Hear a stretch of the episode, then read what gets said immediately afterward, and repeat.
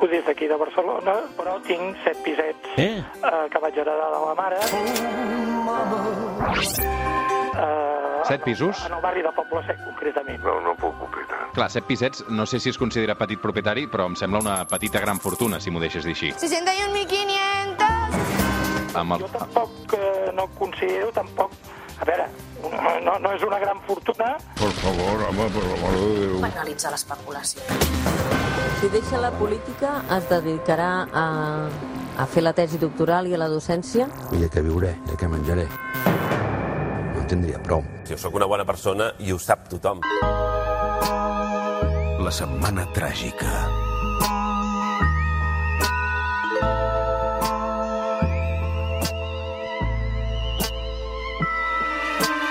A Londres, Ion Sindreu, periodista, columnista del Wall Street Journal. Què tal, Ion? Bon dia. Bon dia, com anem? I a l'estudi de Catalunya Ràdio, Toni Rodon, doctor europeu en Ciències Polítiques i investigador a la London School of Economics. Què tal, Toni? Bon dia, bona hora, què tal? Aquesta setmana he pensat molt amb el Toni, especialment Ion, perquè, clar, eh, llegia aquesta notícia. Toni, tu que ets professor, si un alumne et falsifiqués un examen i ho haguessis de demostrar, on acudiries, als Mossos o a la Guàrdia Civil? Uf, no m'ha passat mai, no m'ha passat mai. No sé, no sé com reaccionaria. Uh, Però, Toni, si, si les, a l'examen t'estés fent dimitir de la teva feina, com reaccionaries? L'única vegada que m'ha passat, eh, vaig a fora a un alumne de classe per, per veure els apunts a sota de, de la- allò típic que te'ls poses a sota del pupitre, doncs Sí. els vaig enganxar i li vaig fer passar vergonya en públic. I aniria, no, aniria al degà, aniria al degà, que no sé si és dels Mossos o de la Guàrdia Civil. Ara em però diràs que tu no havies copiat mai. No, jo mai, mai, mai, mai. Mai a la vida. I tu, Ion? Jo no, jo no he copiat mai. Jo, no uh, de fet, jo, jo era una, més aviat copiat. O sigui, el meu problema és que a vegades... Aquell repel·lent, altres. eh? aquell repel·lent que, que No, tothom... home, no. No, era l'únic moment en què, en què queies bé, perquè llavors, eh, si ajudaves als altres a que et copiessin, doncs, eh, doncs sumaves punts. I tu- Eh, jo recordo, Sí, sí. eh, jo teni, coneixia un, un noi que era l'època dels Wallmans, Mhm. eh, segur que ho recordareu, i es gravava a si mateix llegint el llibre d'història, Mhm. i llavors després es passava els auriculars, perquè ell anava amb, amb, amb màniga llarga, eh? es passava els auriculars per, per dins la màniga, llavors feia com que tenia no, el cap recolzat eh, sobre la mà, i s'anava escoltant a si mateix llegint la que passa és que, clar, t'has de, t'has de poder eh, escriure a una velocitat molt ràpid o t'has de gravar a una velocitat molt lenta llegint el llibre per ser capaç de reproduir, no? es gravava molt lentament.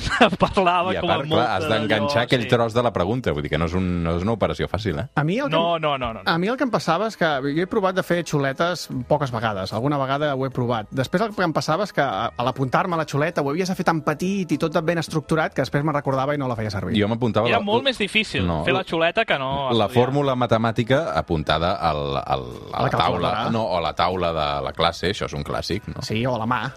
Aleshores, tu, Ion, és que al final la pregunta és si triaríeu... És a dir, si tu et roben la cartera i estàs a Catalunya, Ion, on vas a denunciar-ho, als Mossos o a la Guàrdia Civil? Home, jo, al principi els Mossos, no? No es fa així? Sí, no, no, mi també em va sorprendre. Vull dir que... A no ser que tinguis algun interès ocult d'anar a la Guàrdia Civil. Home, estem parlant del Barça, eh? Vull dir que és el tema de, de conversa aquests dies amb totes aquestes signatures, que és una cosa que, que ens ha sorprès. Com era aquell joc, la peste alta? Que Sí. si t'estan a punt de pillar, ah, bé, saltes a un lloc, ja està. I ja està. No, no m'agafen. Molt bé. Avui, amb el Ion Sindreu i el, i el Toni Rodon, um, tenim ganes de, de parlar de tots els vaticinis que es van fer just quan va arribar la pandèmia, canviarà això, passarà allò... És a dir, fem un exercici de maroteca. Intentem esbrinar si aquelles coses que es van pronosticar quan va arrencar i quan va arribar el coronavirus s'han complert o no. La nova normalitat. La nueva normalidad. La nova normalitat. Para entender que la nueva normalidad no quiere decir volver a lo mismo de siempre. Amb el coronavirus i per l'impacte del confinament, en les nostres vides el món rural es revaloritzarà i hi haurà molta, molta gent que deixarà les ciutats per anar a viure a territoris més despoblats. Cert, fals o mitja veritat, això?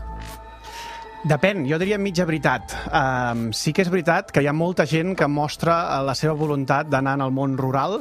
Uh, el que passa que aquí uh, hem de distingir uh, una, dos qüestions molt importants que sovint, de fet, els periodistes us equivoqueu molt, que és la diferència entre actituds i comportament.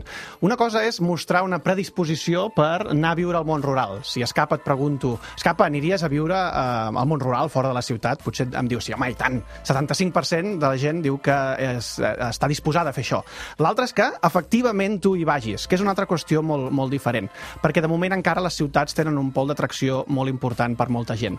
Per exemple, hi ha molt poques dades sobre això, eh? però tenim el cas de Nova York, que és un cas conegut. Eh, arran de la pandèmia ha marxat de la, de la ciutat mig milió de persones. Mig milió de, crec que té uns 8 milions d'habitants, la, la ciutat de Nova York. Eh, Em sembla una xifra altíssima. Ara bé, la majoria d'ells, la meitat d'ells, han anat a la segona residència. L'altra meitat s'han canviat de- d'empadron... De, de, També et dic una cosa, que mig milió de persones de 8 milions d'habitants tinguin segona residència també em sembla una xifra molt, molt alta. Efectivament. Clar, aquí el dubte és si quan tot es normalitzi aquesta gent tornarà a la ciutat de Nova York o, tornar, o es quedarà en el lloc de residència. Quelcom semblant ha passat aquí a Catalunya. De fet, eh, els pobles de la muntanya, els pobles de la costa, han experimentat un boom d'empadronaments perquè molta gent doncs, ha anat a la segona residència i s'ha empadronat una mica amb aquella lògica de si hi ha un segon tancament, com a mínim que m'enganxi a un lloc on hi hagi natura i tingui una casa per, per passejar. Ara bé, si aquesta gent tornarà o no, aquí és un gran dubte, això no ho sabem. Tu que vius en una ciutat encara més gran que Barcelona, Ion, ho deixaries tot per anar al món rural o no? No, no, jo mai. Jo ja ho vaig provar quan era petit, eh, perquè jo, com algú pot arribar a imaginar, tinc família al País Basc, i al País Basc doncs, tothom, té, tothom coneix algú eh, que té un mas, i eh, vaig passar un estiu, doncs allò, no, llevant-me a les 4 del matí a, a munyir... En aquell cas eren ovelles. Oh, gran imatge. Eh, i vaig, vaig descobrir, després de relliscar i caure en un pou de merda, que uh, no era per mi. Eh? Uh, llavors, jo des d'aquell moment doncs, vaig, vaig abandonar aquesta ambició. Um, i, I aquí cal dir una cosa que és interessant, eh? segons pel que deia el, el Toni, que és que uh, si vosaltres recordareu quan va començar tot això de l'internet, eh? uh, que seria per allà mitjans dels anys 90, hi va haver molts economistes que van fer la previsió de que el món rural uh, naturalment revifaria, perquè el teletreball seria molt més habitual i, per tant, aquesta prima que es posa doncs, a viure allò a les ciutats importants, en el centre de les ciutats, eh, doncs tendiria a desaparèixer. Eh, I el que ha passat és absolutament el contrari. Eh, el, diguem, des dels anys 90 el que hem vist és precisament l'ascens de les megaciutats, eh? l'ascens d'aquestes metròpolis que acumulen no? totes aquelles feines que eh, la gent arreu del món vol i coveja, i, per tant, eh, s'ha generat, de fet, un, un, un nou, una nova cultura no? de vida urbana i fins i tot allò que s'ha dit cosmopolitisme, no? eh, de pagar lloguers molt alts aquí a Londres o a Nova York eh, per tenir pisos molt petits, però estar a prop de tipus de feines, com per exemple les feines tecnològiques, que hom diria que en principi es podrien fer remotament, no? Eh, o, per exemple, feines financeres, eh, totes aquest tipus d'històries encara han, diguem-ne, eh, exacerbat més a la, les economies d'aglomeració. Eh? Llavors aquí, quan eh, intentem mirar què passarà en el futur, és jo estic una mica en la línia del Toni, que deia eh, el món rural hi guanyarà, jo ho dubto. Ara, el que sí crec que passarà, pel que estem veient, i això és evident que és molt d'hora encara, és que hi haurà un cert reequilibri entre a viure a la corona no? d'una gran ciutat on hi segueixen havent totes aquestes economies d'aglomeració, totes aquestes bones feines, eh, i viure al centre. És a dir, jo crec que sí hi haurà un, un cert, no? es reequilibrarà una mica, ja no serà tan important viure doncs, a 20 minuts de la feina si només hi has d'anar 3 dies a la setmana, perquè ens entenguem. Llavors jo crec que sí que viure una mica a l'extraradi de les ciutats eh, doncs acabarà doncs, tenint una certa prima que ara no té, però dubto que la gent se'n vagi a la Masia. És que al final tots acabareu venint a Sabadell. Saps? No, doncs, no hi ah, cabem tots, una, eh? una mica Sí, sí, la de línia d'això, eh? És Sí, sí. de... No, és que, eh, perdona, Sabadell és un dels llocs més demandats arran de la pandèmia. Sí, de fet, el- l'única enquesta que tenim sobre el tema és que... eh, Estan gent- plovent ofertes que, bueno... la, la meitat de la gent... És a dir, la, la gent que viu en ciutats, hi ha una, ha la meitat que es planteja arran del coronavirus a marxar, segons una enquesta d'organització de, de consumidors. Ara bé, eh, el, la, la gran pràctica totalitat d'aquests que volen marxar volen anar a altres ciutats més petites. Per tant, només, i només una de cada 10 persones vol anar al món urbà. Per tant, aquí qui està en més bona posició és precisament Sabadell, Terrassa, Mataró, Granollers, totes aquestes ciutats de les zones periurbanes a prop de les, de les ciutats que encara t'ofereixen aquest aire de ciutat, però no tant de ciutat amb, allò, amb, amb lletres majúscules com és Barcelona. Avui amb el Lion Sindreu i el Toni Rodon a la Setmana Tràgica, vaticinis que es van fer quan va aparèixer la pandèmia i que vés a saber si s'han complert o no. Sense el coronavirus, el teletreball seguirà sent cosa de quatre gats. Cert, fals o mitja veritat? Ion, Home, Uh, si no hi hagués hagut la pandèmia, vols dir? Sí. Uh, jo crec que, sens dubte, això ha, ha accelerat el procés, perquè a totes les grans empreses, uh, tot i que hi havia la possibilitat de fer-ho, hi ha una resistència cultural uh, significativa. Uh, jo a la meva mateixa empresa he vist un canvi d'actitud uh, de, vaja, de 180 graus. Eh? Uh, per tant, jo crec que sí que hi ha un element d'això, uh, però també és evident que hi havia una tendència no? uh, cap a anar cap a, cap a major teletreball. Jo crec que, sobretot, a mesura de que eh, doncs la, els homes ens hem començat a fer una mica més càrrec de les nostres, no? dels nostres plançons, de la nostra descendència, que ha estat un procés bastant lent eh? i encara no, no passa massa, eh, però i també, evidentment, a mesura que les dones doncs, han començat a, a reclamar doncs, el seu dret a una major flexibilitat. Eh? Per tant, jo crec que s'hi anava, però s'hi anava a una velocitat molt més lenta de la qual doncs, eh, veiem eh? ara mateix. Per tant, jo crec que sí que hi haurà un cert salt de qualitat. Eh, encara que, eh, i això ho mires, per exemple, no? enquestes que fa, que fa aquesta xarxa social, LinkedIn, per exemple, si tu mires les enquestes que fan els seus membres de si ells creuen que es retornarà a, no, a, a un estat en què hauran d'anar més a l'oficina o no, o ens quedarem com estan, la gent segueix tendint a pensar que la seva empresa els farà tornar, però eh, en menor magnitud. Més prediccions. El teletreball i l'auge de les propietats de ciutats de rodalies de la metròpoli faran desaparèixer el concepte d'hora punta al transport públic i la carretera. Això també es va dir molt.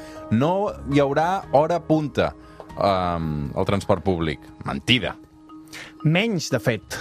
Uh, mentida una mica, però menys. És a dir, l'hora punta ha disminuït un pèl en relació a, al món abans de la pandèmia. A nivell de transport públic, a nivell de carretera, de fet, ha augmentat, perquè la gent agafa més el vehicle, la gent té més por de posar-se dintre un autobús, de posar-se dintre un tren, perquè hi ha massa gent, i aleshores agafa més el vehicle privat. I el, el, el nivell de cotxes, de fet, a la gran part de les ciutats ha, ha pujat. Uh, de nou, el gran dubte és si aquesta gent, un cop tot es normalitzi, uh, aconseguirem que deixi el cotxe i torni a agafar el transport públic, però això de moment no ho sabem. No heu experimentat l'hora punta fins que n'heu estat a Londres, eh, amb hora punta, mm -hmm. perquè això és una ciutat de, de carrers eh, minúsculs on tothom, a més, treballa, eh, diguem, a les mateixes empreses financeres al centre. Per tant, jo no he vist res més distòpic que, que Londres en hora punta. Per tant, ni que sigui una disminució, jo, és, aplaudeixo. És dels pocs llocs a Londres on he hagut de renunciar a agafar el metro perquè no he aconseguit. És a dir, has de deixar passar aquell metro perquè no hi caps realment de, de l'anxova. Aquell i el següent, i el següent, i el següent. Això eh? es continua, a, aquesta, aquesta imatge es continua produint a Londres, Ion? No, no, no, de moment no, però clar, encara estem... És, és de les poques coses no? en què realment s'ha notat molt. El transport públic no, no és el que era. També cal pensar que hi ha l'efecte del turisme, que no hi és, però uh, vaja, allò que, que passava no? a, a dos quarts de nou, en què doncs, havies d'esperar que passessin uh, doncs, 5 metres, no? i després, a més a més, clar, penseu tots aquests túnels no? de metro del segle XIX, tu surts i, i vas doncs, seguint una, un ramat no? de, de gent tots iguals amb el seu, no? el seu vestit i la seva, la seva maleteta, clar, això, aquesta imatge absolutament espantosa, esperem que, que la deixem enrere. Més vaticinis que es van fer al sector aeri, hi haurà menys vols i això vol dir que els preus pujaran. Frase del corresponsal de transports de la BBC, Tim Barrich, que eh, doncs només cal veure que es va equivocar de llarg i, de fet, el, el, el Sindreu va dir tot el contrari. Per tant, Ion, deixa'm que et feliciti també. Bueno, ho porto escrivint eh, des de fa un temps i, de fet, ho escric una mica en el sentit oposat. Eh, clar, ell ho escrivia no? alertant el consumidor que el tema anirà malament. Jo, com que ara mateix escric diverses columnes eh, més des del punt de vista de la inversió, eh, més aviat deia el contrari, no? Alerta, anirà malament eh, si inverteixes en aerolínies, perquè té pinta que els preus doncs, aniran pel terra. Eh, S'ha de dir que, eh, evidentment, encara estem en una fase de transició. Per tant, la, la pregunta no? de, si, de si en el futur això podria ser, eh, doncs encara, encara resta sobre nosaltres. Però eh, cal explicar que, en general, el sector, el sector eh, de l'aviació i especialment de les aerolínies és un sector extremadament competitiu, eh, en què els preus sempre tendeixen a baixar eh, tant com sigui possible eh, per no deixar, diguem-ne, gaire benefici a l'empresa i que tu com a consumidor doncs, t'atreguin a, a fer viatges que segurament sense això no faries. Les hipòtesis de que els preus podrien pujar segurament venien també en part eh, pel fet de que es deia que els seients del mig eh, potser s'haurien de deixar des desocupats durant la pandèmia i que, per tant, com que posarien menys gent no, en l'avió de, de Ryanair, Ryanair hauria de pujar costos. I això és evident que si passés seria així, perquè si no, no doncs el, el, el vol no pagaria el cost de flatar-lo, no?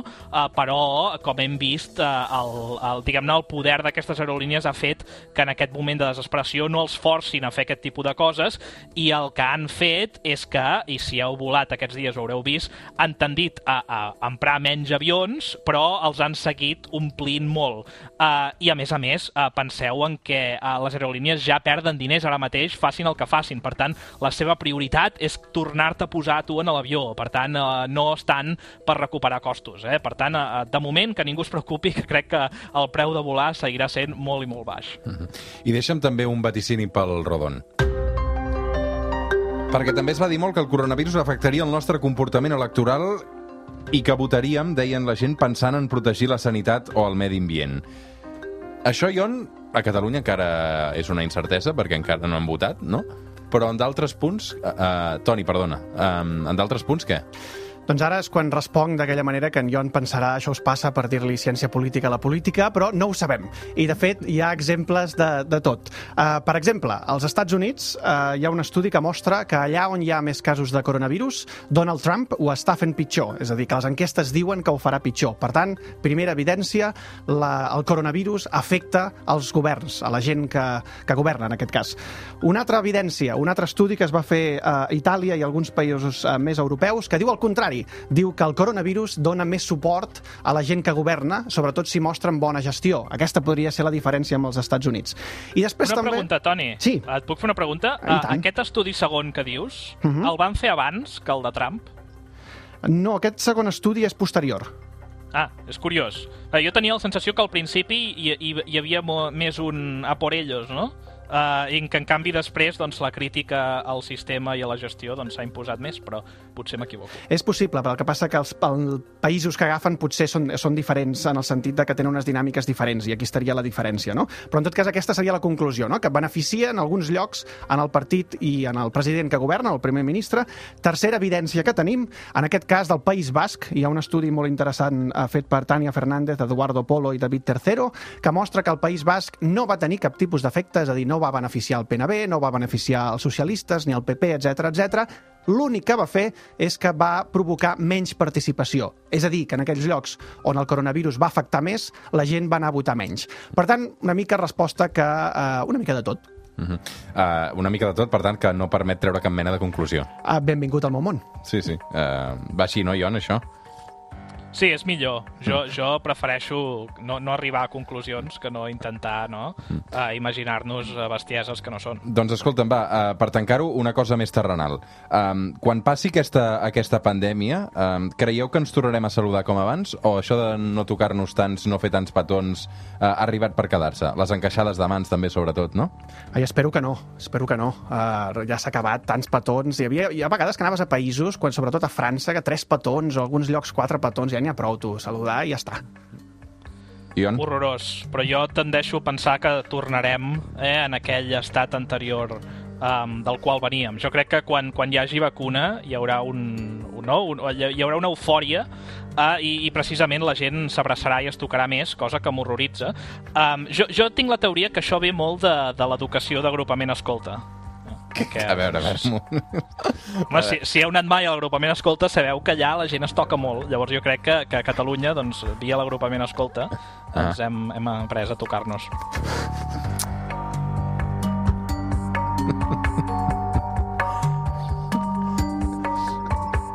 Ja està? O, vull dir, la teoria va més enllà o no? No, no, no, no era, era Ah. fins aquí. Molt bé. Fins aquí. Uh, és, és molt Veig que, cultural, no, veig, això, que, no, veig, que, veig que tu de petit no et van apuntar activitats extraescolars, eh, Ion? No m'estava munyint sí, ovelles. una- Ah, sí? No, unes quantes, unes quantes. Què feies, eren- escacs? No, no, escacs no, escacs no, precisament sempre he estat molt dolent. Um, no, això era un amic meu que, que de fet és gran mestre. Uh, però no, no, no ho sé, feia coses diverses, coses diverses. Uh, Ion Sindreu, Toni Rodon, un plaer, com sempre, cada diumenge. Uh, moltes gràcies. Fem una petita pausa i de seguida al suplement uh, entrevistem Toni Soler. Ha publicat un llibre magnífic, Un bon cel, sobre el zelador d'Olot, però un llibre també que, a banda de repassar aquesta història fosca de Crònica Negra, també reflexiona sobre la bellesa, eh, sobre l'envelliment de, de la població i especialment eh, l'envelliment que vindrà amb el baby boom. Com ens ho farem? Eh, de seguida en parlem amb el Toni Soler. Fem una pausa i ara tornem. El suplement. Ràdio amb esperit de cap de setmana. Amb Roger Escapa.